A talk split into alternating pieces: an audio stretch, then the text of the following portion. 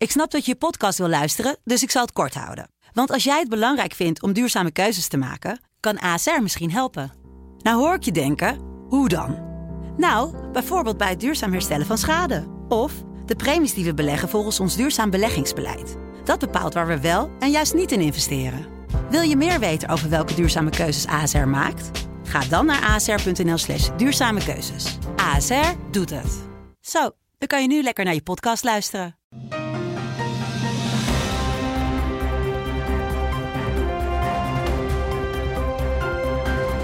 Dit is de Telegraaf podcast. Het land van Wierduk met Kamran Oela. Donderdag 13 februari 2020. We zijn ons aan het voorbereiden op Valentijnsdag. Maar daarvoor nog even eerst een eh, podcast, hè Wiert? ja, ja, je overvalt me met het nieuws over Valentijnsdag. Maar ja, de podcast inderdaad. Ja, met allerlei behartigenswaardigs. Er gebeurt zoveel dat we eigenlijk wel twee podcasts zouden kunnen maken. Met al die rare proefballonnetjes van D66 en weet ik veel wat er allemaal gebeurt. Maar vertel jij De- maar waar we eerst mee bezig Nou, gaan. daar gaan we het zo zeker over hebben. Siep Winia, deze week geïnterviewd door jou voor de, de, de wekelijkse rubriek in Nederland. En die gaan we natuurlijk ook bespreken.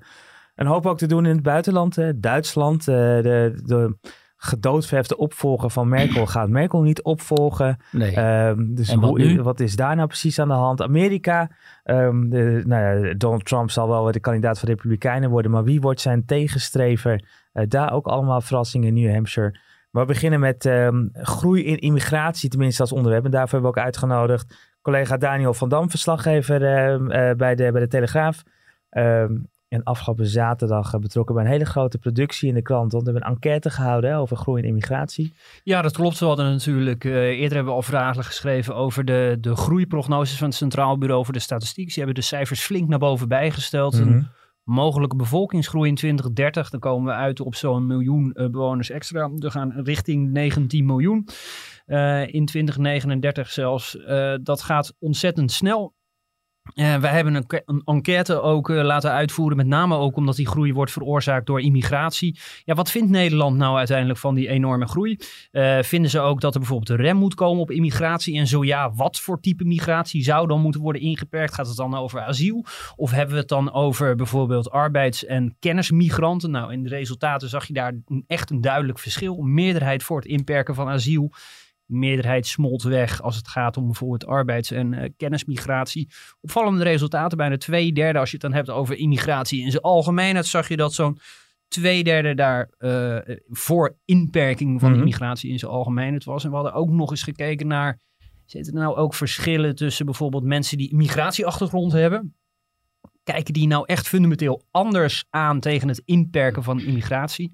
En dan zie je dat nog steeds zo'n 48% van de niet-westerse of Nederlanders met een eh, niet-westerse achtergrond, dat die ook voor eh, inperking van immigratie Ja. eh, was. Vond ik een opvallend cijfer. Ja, dus dat hè, een aantal opvallende cijfers die daar, daar uitkomen. Er zijn ook een, een, een groot aantal verhalen ook naar voren gekomen. We gaan zo meteen ook over het D66-plan hebben, Wiert. Want dat is natuurlijk, eh, dat heeft hij ook alles, eh ja, alles mee, D66 eh, wil mee nog meer maken. mensen naar Nederland halen, Laten we- inderdaad. We maken zo Ja. die stap. Even weer nog terug naar wat, wat Daniel als laatste Mhm. zegt. Dat, dat opvallend was dat ook een groot deel van, een groot aantal van niet-westerse allochtonen ook zegt...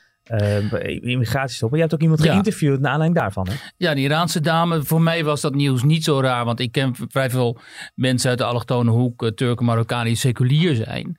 En, eh, en ook Iraniërs trouwens veel. Die eh, zeggen van ja joh, ehm, wij hebben hier in Nederland al te lijden onder die druk van die radicale moslims. Die ons in de nek hijgen omdat ze vinden dat wij ons moeten eh, accommoderen of eh, aanpassen aan de islam. Eh, wij zijn niet voor niks ooit naar Nederland gekomen, namelijk omdat we hier in vrijheid willen leven en ook ons willen onttrekken aan die, die dwang van die godsdienst. En jullie, jullie Nederlanders ehm, faciliteren eigenlijk steeds meer die radicale islam. Hè, ehm, en daar hebben ze natuurlijk een punt. En ik sprak met een Iraanse mevrouw. mevrouw nou, Iraniërs zijn er vaak heel uitgesproken in. Ehm, die was hier ook heel, eh, heel erg scherp op. En die zei van ja, wat jullie in feite aan het doen zijn, jullie naïeve Nederlanders en ook eh, andere Westerlingen. Jullie halen eigenlijk, eh, jullie zijn je eigen ondergang aan het binnenhalen. En dat is misschien wel een hyperbool. Waarmee bedoeld wordt dat het misschien een beetje overdreven is. Maar als je nu bijvoorbeeld kijkt naar die onderzoekscommissie in de Tweede Kamer die uh, onderzoek doet, hè, die verhoren doet over het salafisme in Nederland. Ja, dan uh, schrik je toch wel, moet ik zeggen. Dan, um, nou ja, althans, je schrikt niet, want we wisten dit allemaal. Mm -hmm. We hebben dat ook heel vaak hier gezegd. Alleen nu komen die cijfers en die bedenkingen en die analyses, die komen onder Ede op tafel. En wat je dan ziet is dat de, dat de islamisering van gebieden in Nederland heel snel gaat. En dat daarbinnen de radicalisering ook heel snel gaat. Dat we kunnen Mhm. spreken over parallele samenlevingen. Waarin radicaal gedachtegoed wordt eh, gecultiveerd. En deze, die niet-westerse allochtonen, die, hè, er zijn heel veel die hier al heel lang op wijzen. En die heel vaak worden weggezet als ja, jullie zijn getraumatiseerd. Of je, je haat de islam of je haat je eigen achtergrond. Nou, uit deze verhalen, uit deze verhoren blijkt gewoon dat deze mensen met hun zorgen eh, groot gelijk hebben.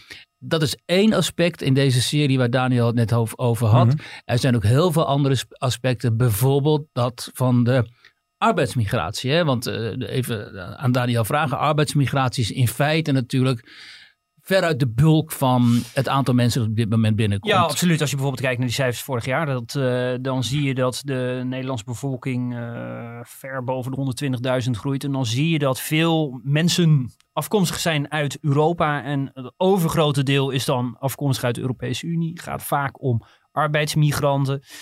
Verreweg de grootste groep. Maar ja, als je kijkt, asiel is dan maar zo'n 6% uh, van het geheel. Maar kijk je bijvoorbeeld tussen 2014 en 2019, zie je dat er nog steeds zo'n 122.000 verblijfsvergunningen zijn verleend voor, uh, aan asielmigranten. Had natuurlijk te maken met die oorlog in Syrië, maar dat is in een vrij korte tijd natuurlijk een behoorlijk grote groep. Ja, voordat we het, eh, die, die volgende stap daarin zetten, nog heel even toch eh, t- nog één keer terug, eh, Daniel. Want eh, eh, enquête, eh, uitgevoerd door Kantar, geloof ik. Hè? Dus Klopt. een gerenommeerde partij, eh, groot aantal respondenten. Ehm, maar vervolgens is de kritiek niet mals, hè? Die, eh, die, er- die er ook ontstaat op de inhoud. Nou ja, er werd maandag, eh, maandag eh, bij het eh, Radio 1-programma Spraak, Spraakmakers werd er gezegd door een aantal spraakmakers, opiniemakers. Ja, het ging alleen maar over asielzoekers. Ja, dan denk ik, dan heb je echt de stukken niet goed gelezen. Met name ook omdat afgelopen maandag er een groot artikel was van DFT over arbeidsmigratie. We hebben een week daarvoor een groot algemeen cijferverhaal. En dan verbaast me toch wel dat uiteindelijk de kritiek is: ja, er kleeft een vol, is vol luchtje aan. Dan wordt het uiteindelijk eh, als xenofoob weggezet. Terwijl Mhm. ja, daar herken ik me eh, dan echt totaal niet in. Mooi, hè? Want, want expliciet noemden ze ook nog mijn naam. Hè? Want Wierduk schreef iets en zo. ja. Dus met andere woorden, dan komt er een soort, eh, soort luchtje aan te hangen. Ja. En dat is, ik geef je Daniel helemaal gelijk, dat is ontzettend jammer. Omdat je wilt toch over dit soort zaken die heel ingrijpend zijn. Kijk, de bevolkingsgroei op dit moment is gewoon een van de allerbelangrijkste thema's, ook politiek in Nederland. En daar wil je een fatsoenlijk debat over. Je Mhm. wilt de feiten op tafel hebben. Nou, die hebben we nu op tafel. Hè? Voor zover we die nog niet hadden, hebben we nu gewoon nieuwe, nieuwe percentages, nieuwe aantallen. En dan wil je dat, dat daar Ja. een debat over ontstaat. En, ehm, maar onmiddellijk wordt hier weer een taboe opgelegd. Nu zijn er heel veel mensen die zeggen, joh, die viaduct die zegt altijd maar dat er over sommige onderwerpen niet gespraat mag worden en dat overal een taboe opheerst en zo. Nou, dames en heren, hier is het voorbeeld. Hè? Want ze zeggen altijd, ja, maar het is allemaal flauwekul. We kunnen over alles praten in Nederland. Ja, je kunt misschien over alles praten. eh, alleen de manier waarop hè, worden... Dat zie je ook met dat CETA-debat bijvoorbeeld in de Tweede Kamer van, van gisteren. Wordt er nou serieus op de inhoud gedebatteerd of wordt er alleen maar eh geframed? Hè? en, Mhm. en dat is zo tegenvallend in, in het Nederlandse publieke debat. Dat ehm, ehm, met name mensen die echt eh, vanuit ideologie eh, redeneren, zoals deze eh, die spraakmakers daar bij die, bij die radio, dat die helemaal niet geïnteresseerd zijn in de inhoud. Die zijn er alleen maar in, ge- in geïnteresseerd hun eigen ideologische bubbel eh, te beschermen Ja. ten koste van wat dan ook. Ja, Nou, wat je dan volgens ook ziet, en dat zie je niet alleen bij dit onderwerp, je zag het bijvoorbeeld ook bij de hele discussie rond Ruinerwold, is dat dan uiteindelijk de morele verontwaardiging, de feiten zijn een ondergeschikt aan Ja. de morele verontwaardiging. Er wordt nog heel makkelijk geroepen, het gaat alleen maar over asielzoekers. asielzoekers. Dat is feitelijk niet waar. Ja. Het is in. Nederland altijd, en dat is heel jammer aan Nederland, het levert je meer op om te laten zien dat je aan de goede kant van de geschiedenis en aan de goede kant van Ja. de streep staat, dan om eh, de moed te hebben om een inhoudelijk debat te voeren over inderdaad misschien wel heikele eh, thema's. Eh, Dus wij hebben niet voor niks deze podcast waarin we hè, dat wel proberen te doen en eh, mensen proberen te informeren met de juiste cijfers en de juiste, juiste feiten. Ja, want precies. Uiteindelijk gaat het daarom. En dat is ook, we hebben het heel, heel vaak al eh, benoemd. Maar het is dus deze week was het weer zover. Het is een mooi voorbeeld, ja. Er wordt een kop gelezen en niet het verhaal. En op basis van, eh, van koppen, eh, oh ja, het staat in de Telegraaf, dan zal wel dit verhaal eronder staan. Nou, je merkt ingevuld. gewoon dat mensen niet, als ze zo hoog van de toren blazen, dat ze vaak de stukken niet zorgvuldig lezen. En dan kan je zeggen, is het verwijt, want eigenlijk was maandag het verwijt, ja, de Telegraaf doet een cherrypicking. Maar als je dan zelf daar één element uitlicht en vervolgens gaat vingerwapperen, dan denk ik, ja, dan doe je nou precies datgene wat, Wat je de verwijt. Telegraaf Ja. verwijt. En daarom, daarom vond ik die kritiek Ja. eh, op dat punt niet overtuigend. En dat zie je veel vaker, zie je dat terugkomen. En uiteindelijk ging het er eigenlijk om. Hè. De bevolkingsgroei is, eh, is, is wat aan de hand is. Maar wat is het gevolg? En we zien een woningnood en ook die arbeidsmarkt. Er stond ook een verhalen in over de arbeidsmarkt. Er stond zelfs in, zijn mensen nodig voor de zorg. Eh dat debat moet gevoerd worden, zeg je net Wiert. Eh, D66 heeft het nu weer aangezwengeld. Mhm. Laten we even luisteren naar een D66-Kamerlid. eh, die vertelt over waarom zij nu pleiten om arbeidsmigranten uit Afrika te halen. In ieder geval voor vier jaar. Dat zit Ja. ook in het fragment. Laten we even luisteren. Wat ik zie is dat we in Nederland een, ehm, een groot tekort hebben aan mensen die gewoon eh, werk kunnen doen. Dat we vergrijzen in de toekomst. Dat daardoor de verhouding tussen werkende en niet-werkende steeds ongunstiger wordt. Kamerlid Groothuizen wil een maximumtermijn van vier jaar. Daarna moeten de migranten terug. Maar dan hebben ze in de, die periode wel eh, wat geld kunnen sparen voor hun, eh, voor hun familie. En, en kennis en ervaring opgedaan die zij weer kunnen gebruiken als ze terugkeren. Ja, Maarten Mooi, hè? Groothuizen horen we, D66-Kamerlid. Eh, ja, kennis en ervaring opdoen hier werken en dan na vier jaar weer terug. Ja, het is, die wereld van D66 is echt eh, fascinerend. Hè? We hebben de ervaring opgedaan met de gastarbeiders in de jaren 60, 70, die naar Nederland werden gehaald. Overigens vooral door de ondernemingen, dus door zeg maar, rechtse partijen en niet zozeer door de linkse partijen. Bij de linkse partijen bestond best wel eh, tegen, of weerstand daartegen. Eh, die zijn destijds naar Nederland gehaald, ook in, met de gedachte van op een gegeven moment gaan deze mensen weer terug. Nou, daar was natuurlijk geen sprake van. Eh, ze bleven, ze haalden hun families. En nou ja, ook logisch, want ze konden in Nederland een prima leven opbouwen. Ze Mhm. bouwden hier een, een bestaan op. En het gaat met deze Afrikaanse gastarbeiders natuurlijk precies zo gebeuren. Ze gaan die kinderen krijgen, dan hebben ze recht op verblijf, enzovoort, enzovoort. Dus dit hele plan komt uit een of andere illusionaire koker, waar ze bij D66 tegenwoordig abonnementen op hebben. En het druist in tegen alle eh, feiten die ons op dit moment Ja. recht in het gezicht slaan. Namelijk, we hebben al overbevolking. We hebben al geen, niet voldoende eh, huisvesting. Ehm, we hebben heus wel mensen die dit werk zouden kunnen doen als ze daartoe zouden worden aangespoord. En bovendien, als je nog steeds meer, meer mensen binnenhaalt, dan krijg je ook een probleem met het klimaat. Want je krijgt steeds meer CO2-uitstoot, waar D66 en GroenLinks en zo juist zo tuk op zijn.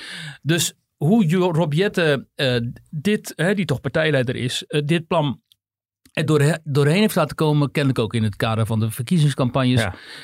You ask me, maar eh, ik be- begrijp het niet. En je ziet ook aan de reacties dat dit gewoon aan alle kanten Ja, ook, Wilders eh, natuurlijk eh, meteen al helemaal totaal aan de andere kant. Ja, Knettergek en levensgevaarlijk. Ik heb een beter voorstel. Laten we al die gekke D66'ers naar Afrika sturen. Maar ja, voor is, ontwikkelingshulp. ja, ja. dat is weer op zijn, op zijn Wilders. Het enige wat je wel kunt zeggen Daniel. is dat zij in ieder geval wel kleur bekennen. Ja. Dus ze laten duidelijk zien waar ze staan. Mhm.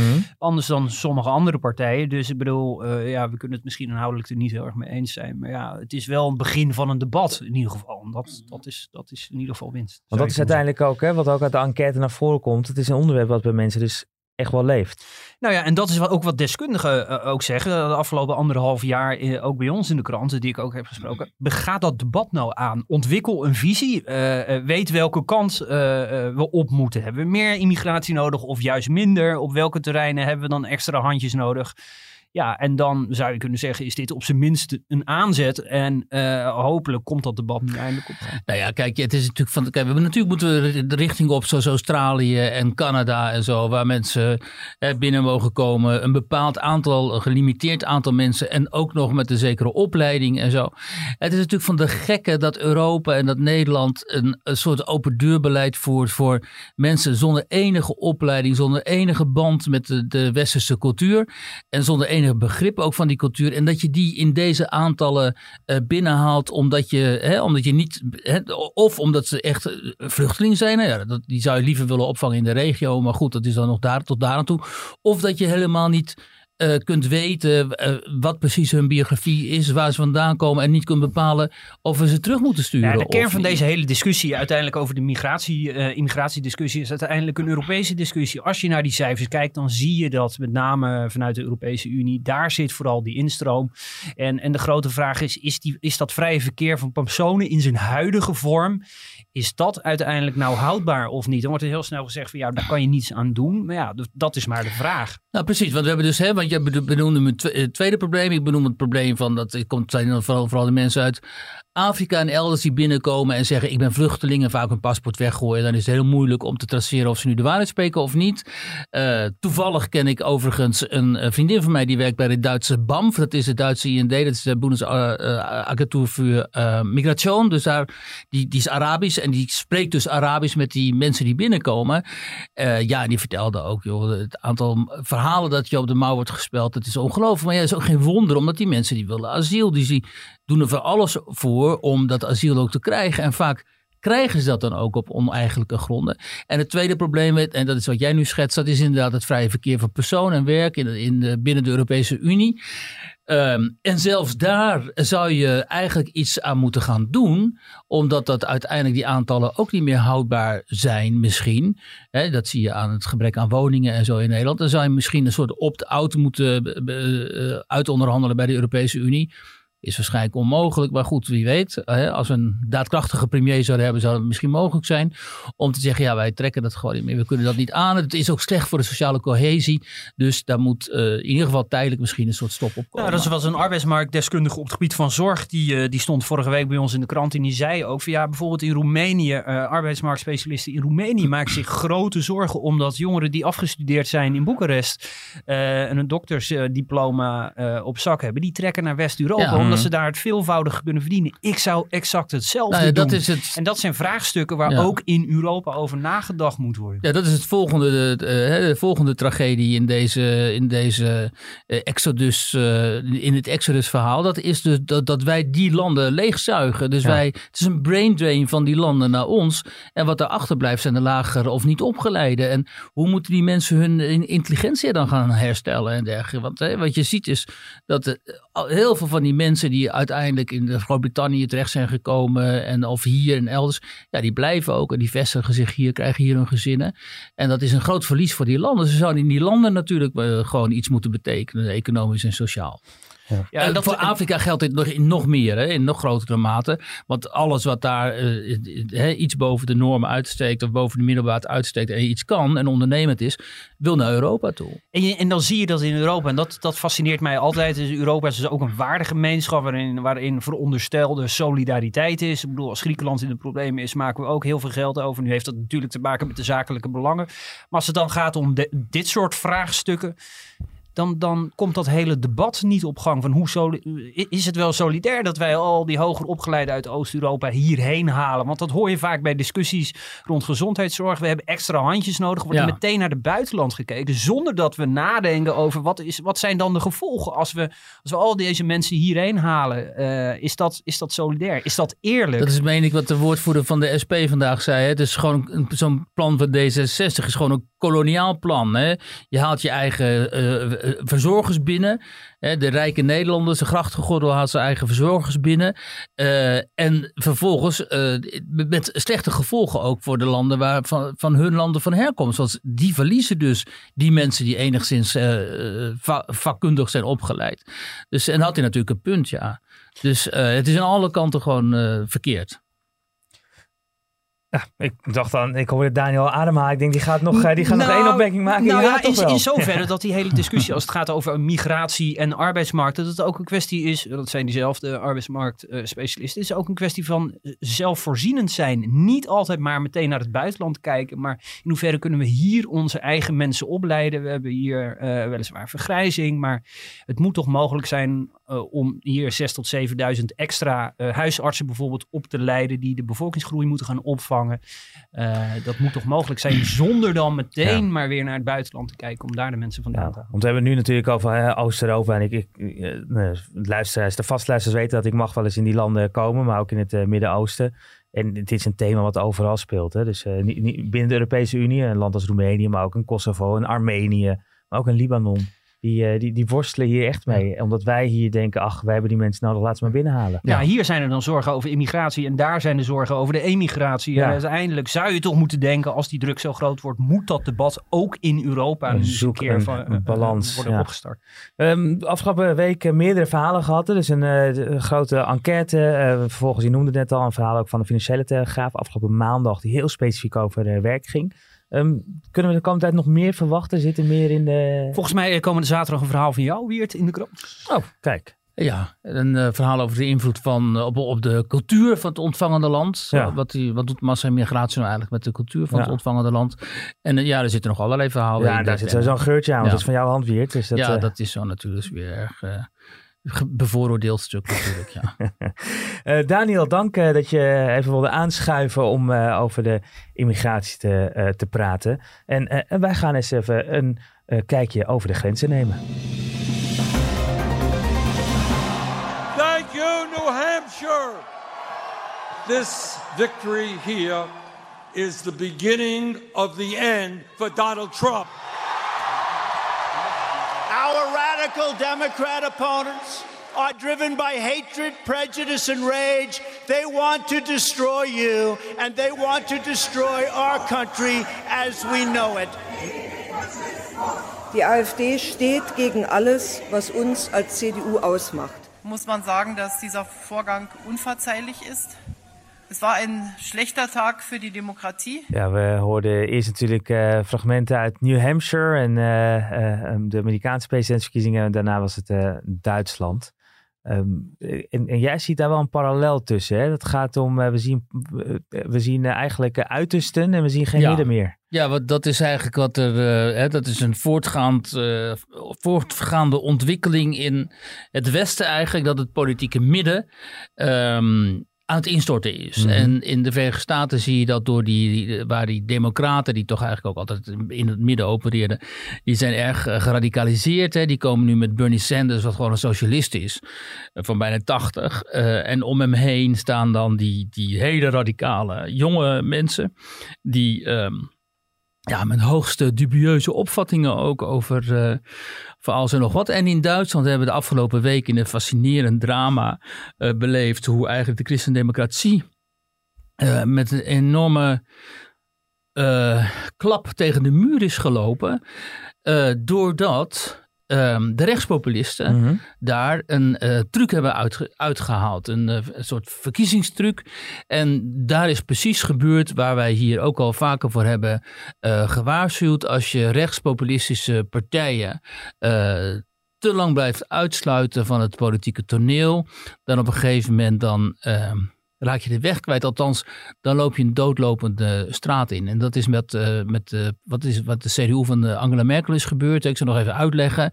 Um, de CDU de christendemocratie in Duitsland heeft de cordon sanitair rond de alternatieven voor Duitsland. Dat is die rechtspopulistische partij die heus nog wel wat rechtser is dan Forum voor Democratie of eh, PVV hier in Nederland. En waarbinnen ook zeker dubieuze opvattingen ook een, rol spelen. Zo antisemitistisch of antisemitisch en ook wel hè, met een soort hang naar dat uh, natieverleden. Een aantal van die van die mensen in die partij, van die leden van die partij, die uh, neigen daartoe. En uitgerekend in de deelstaat Turingen, waar dit drama zich afspeelt, hebben ze daar die partijleider Björn Hukke. En die is openlijk eigenlijk um, een soort van halve natie.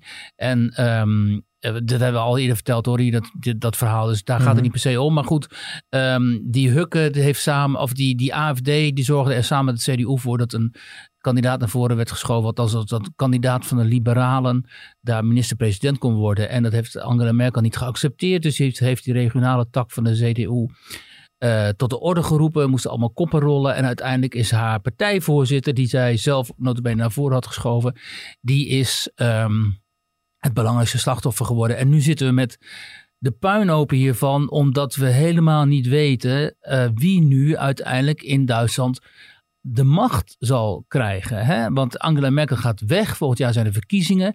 En dan moet die uh, CDU, die moet dan een uh, aantrekkelijke kandidaat hebben weten te vinden. Vooralsnog zijn er vier mannen die zich aandienen als eventuele kandidaten. En van hen is Friedrich Merz, die al een hele lange geschiedenis heeft in deze partij.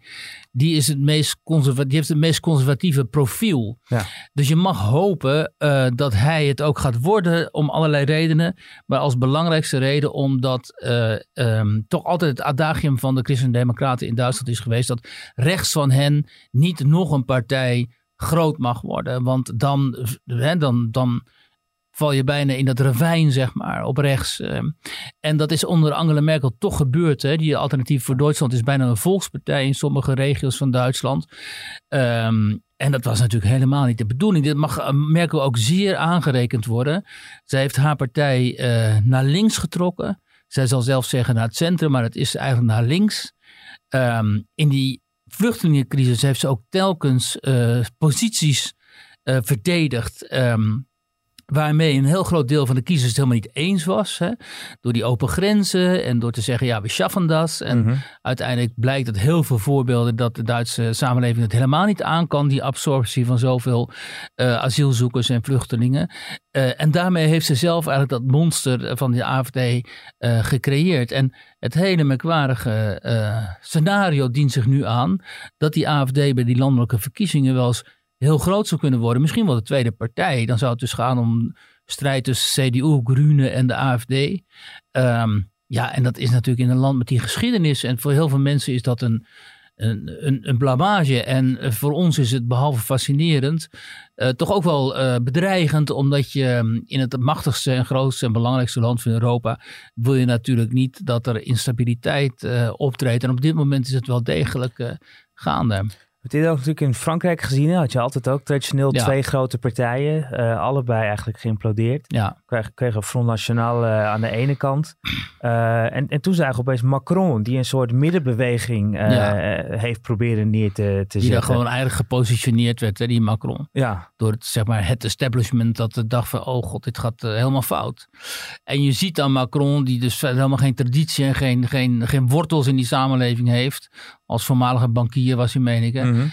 Uh, je ziet dus ook hoe impopulair hij is en hoe hij eigenlijk faalt uh, als president. Uh, hij, er zijn permanent protesten. Elk weekend lopen die straten nog steeds vol. Hij is totaal niet in staat om die, dat, dat deel van de bevolking te overtuigen van noodzakelijke hervormingen. Hij is niet in staat om hen de hand te reiken. die samenleving polariseert. De, daarbinnen zit nog die, die, die, die verschrikkelijke vijfde kolonne van die radicale islam in die banlieues daar, die daar woekert eigenlijk.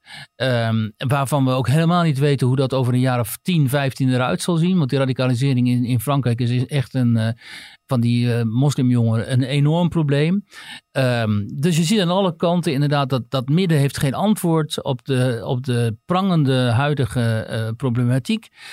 implodeert en daar ja, dan springen natuurlijk allerlei avonturiers die springen in dat in dat gat. Ja. En ik heb er ook geen antwoord. Nou ja, wordt van mij ook niet gevraagd. Maar ik heb er ook geen antwoord op. Om, om te, wat zou nou het beste zijn? Dan moet je nou inderdaad rond partijen die openlijk toch wel hele bedenkelijke standpunten vertegenwoordigen. Zoals die AFD daar in Turingen. Ja, moet je die uitsluiten van het uh, democratische uh, proces?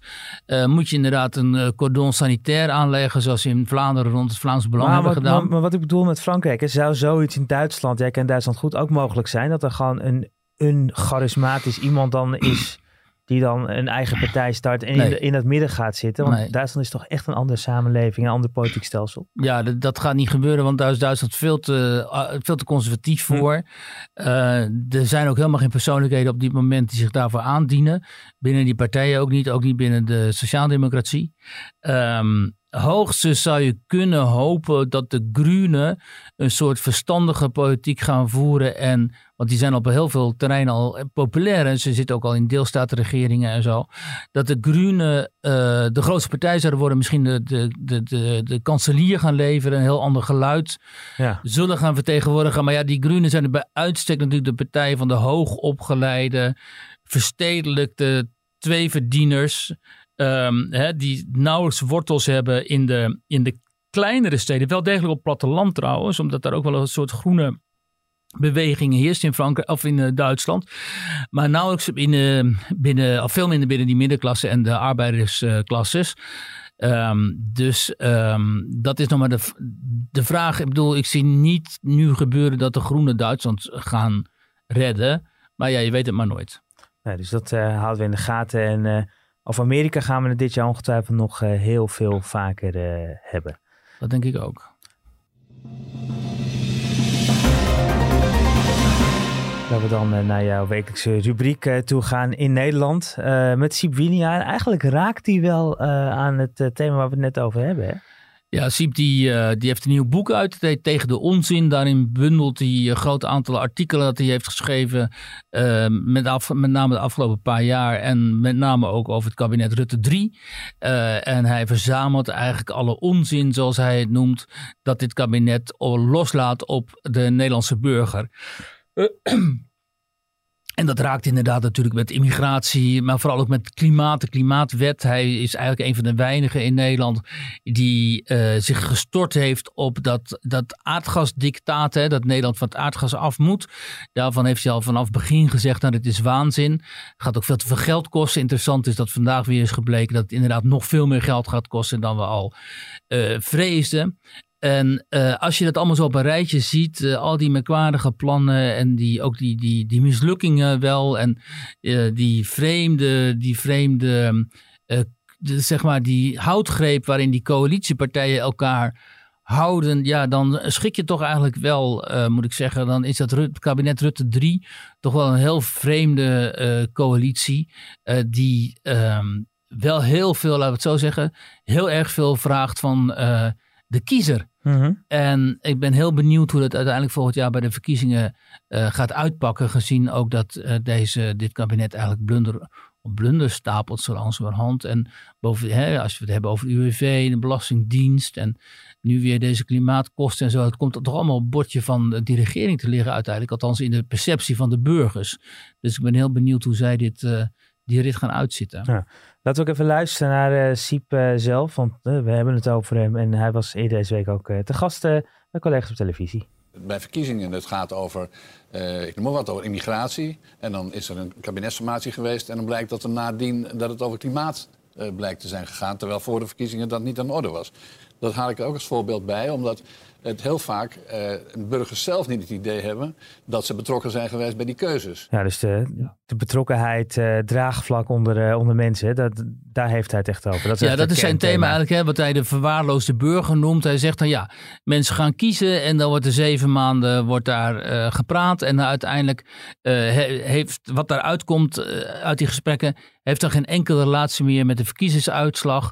En ook niet met de, met de verkiezingsprogramma's van de partijen. Dan opeens moet Nederland klimaatkoploper zijn uh, in de wereld of allerlei andere zaken waarover de kiezer helemaal niets is uh, bevraagd. En mm. daarin heeft hij natuurlijk uh, groot gelijk. En dat is ook wat uiteindelijk denk ik toch wel die onvrede verklaart van heel veel mensen met hoe het op dit moment in Nederland toegaat. Zij denken natuurlijk ja, um, uh, we worden telkens opgezadeld met allerlei uh, plannetjes en, en, besluiten waar we helemaal niet over hebben kunnen, uh, waar wij niks over te zeggen hebben gehad. En vervolgens is het enige instrument dat we hadden, namelijk dat raadgevend referendum, is ons ook nog eens een keer door de regeringspartij D66 afgepakt. Ja, daarmee kweek je inderdaad wel heel veel wantrouwen in de politiek bij de mensen. En het is natuurlijk in een democratie wel van belang dat die democratie draagvlak behoudt. Ja. En dat niet de democratische partijen die, hè, dat, dat niet juist de democratische partijen zelf verantwoordelijk worden voor dat wantrouwen in het eigen systeem. Dan heb je toch wel een echt een systematisch probleem, mm. uh, lijkt mij. En daar, dat is waar Winia uh, de vinger wel behoorlijk op de zere plek legt, inderdaad. Ja. Nou, vandaag uitgebreid uh, op uh, jouw pagina, je wekelijkse rubriek in Nederland in de, in de krant. Ik meen op pagina 9 voor mensen die het even willen Zoiets. opzoeken. En maar nog online, veel makkelijker, hè? online, gewoon Precies. op telegraaf.nl is het ook, uh, ook te, te vinden. Wiet, we zijn alweer bijna bij het, bij het einde. Volgens mij alweer ruim 33, 34 minuten bezig. Ja. Um, nou, weer wat onderwerpen aangeraakt. Binnenland, buitenland, migratie. zeggen, ja. Uh, hoop, uh, hoop te doen en, uh, en, genoeg te doen ook. Hè? Ja. Nou, we blijven bezig op deze manier. Hè? Dat, ja. elke dag weer een verrassing vanuit de politiek. Tot slot is er nog toevallig een, een boek iets, of een serie of iets wat je tot je hebt genomen recent waarvan je denkt, ach, de luisteraar die weer tot het einde luistert, die is misschien ook wel hierin geïnteresseerd. Nou, ik was begonnen in een tv-serie bij Netflix over de Vietnamoorlog, de Vietnamoorlog. Ja. Die heet Vietnam War en dat is een waanzinnig goede serie. Hij is wel heel lang, dus ik heb hem nog lang niet af. Maar uh, voor iedereen die enigszins geïnteresseerd is in uh, wat zich daar heeft afgespeeld, is het een enorme aanrader. Dus in plaats van naar de, de, de dagelijkse laten we zeggen, uh, spelletjes op de ja. Nederlandse tv te kijken, kun je ook daarnaar kijken. Maar het is ook wel echt, echt los van mooi gemaakt, ook wel een, uh, een niet te vooringenomen serie. Want nee, dat, het is super interessant hè. En ze hebben alle partijen, dus we hebben zowel wow. de, de Amerikanen als Vietnamezen, Noord-Vietnamezen. Hm. Eh, fascinerende beelden uit uh, Noord-Vietnam. Uh, van destijds, waarvan je het bestaan niet eens uh, vermoedde. Mm -hmm. En je ziet dus, dus toch dat een, uh, wat voor een impact die oorlog heeft gehad op een hele generatie Amerikanen en Vietnamezen. Um, en je ziet ook um, ja, dus, ja, wat, wat voor um, wat, wat, hoeveel normale jongens, gewone doodgewone jongens eigenlijk in dat theater uitgroeien tot echte helden. En hoe dramatisch dat allemaal is ja. geweest. Mooie aanrader dus. Uh, dank daarvoor. Die, ga, die, nemen we, die nemen we mee. En uh, u bedankt uh, voor het luisteren. We zijn er volgende week uiteraard gewoon weer. Tot dan. Tot dan.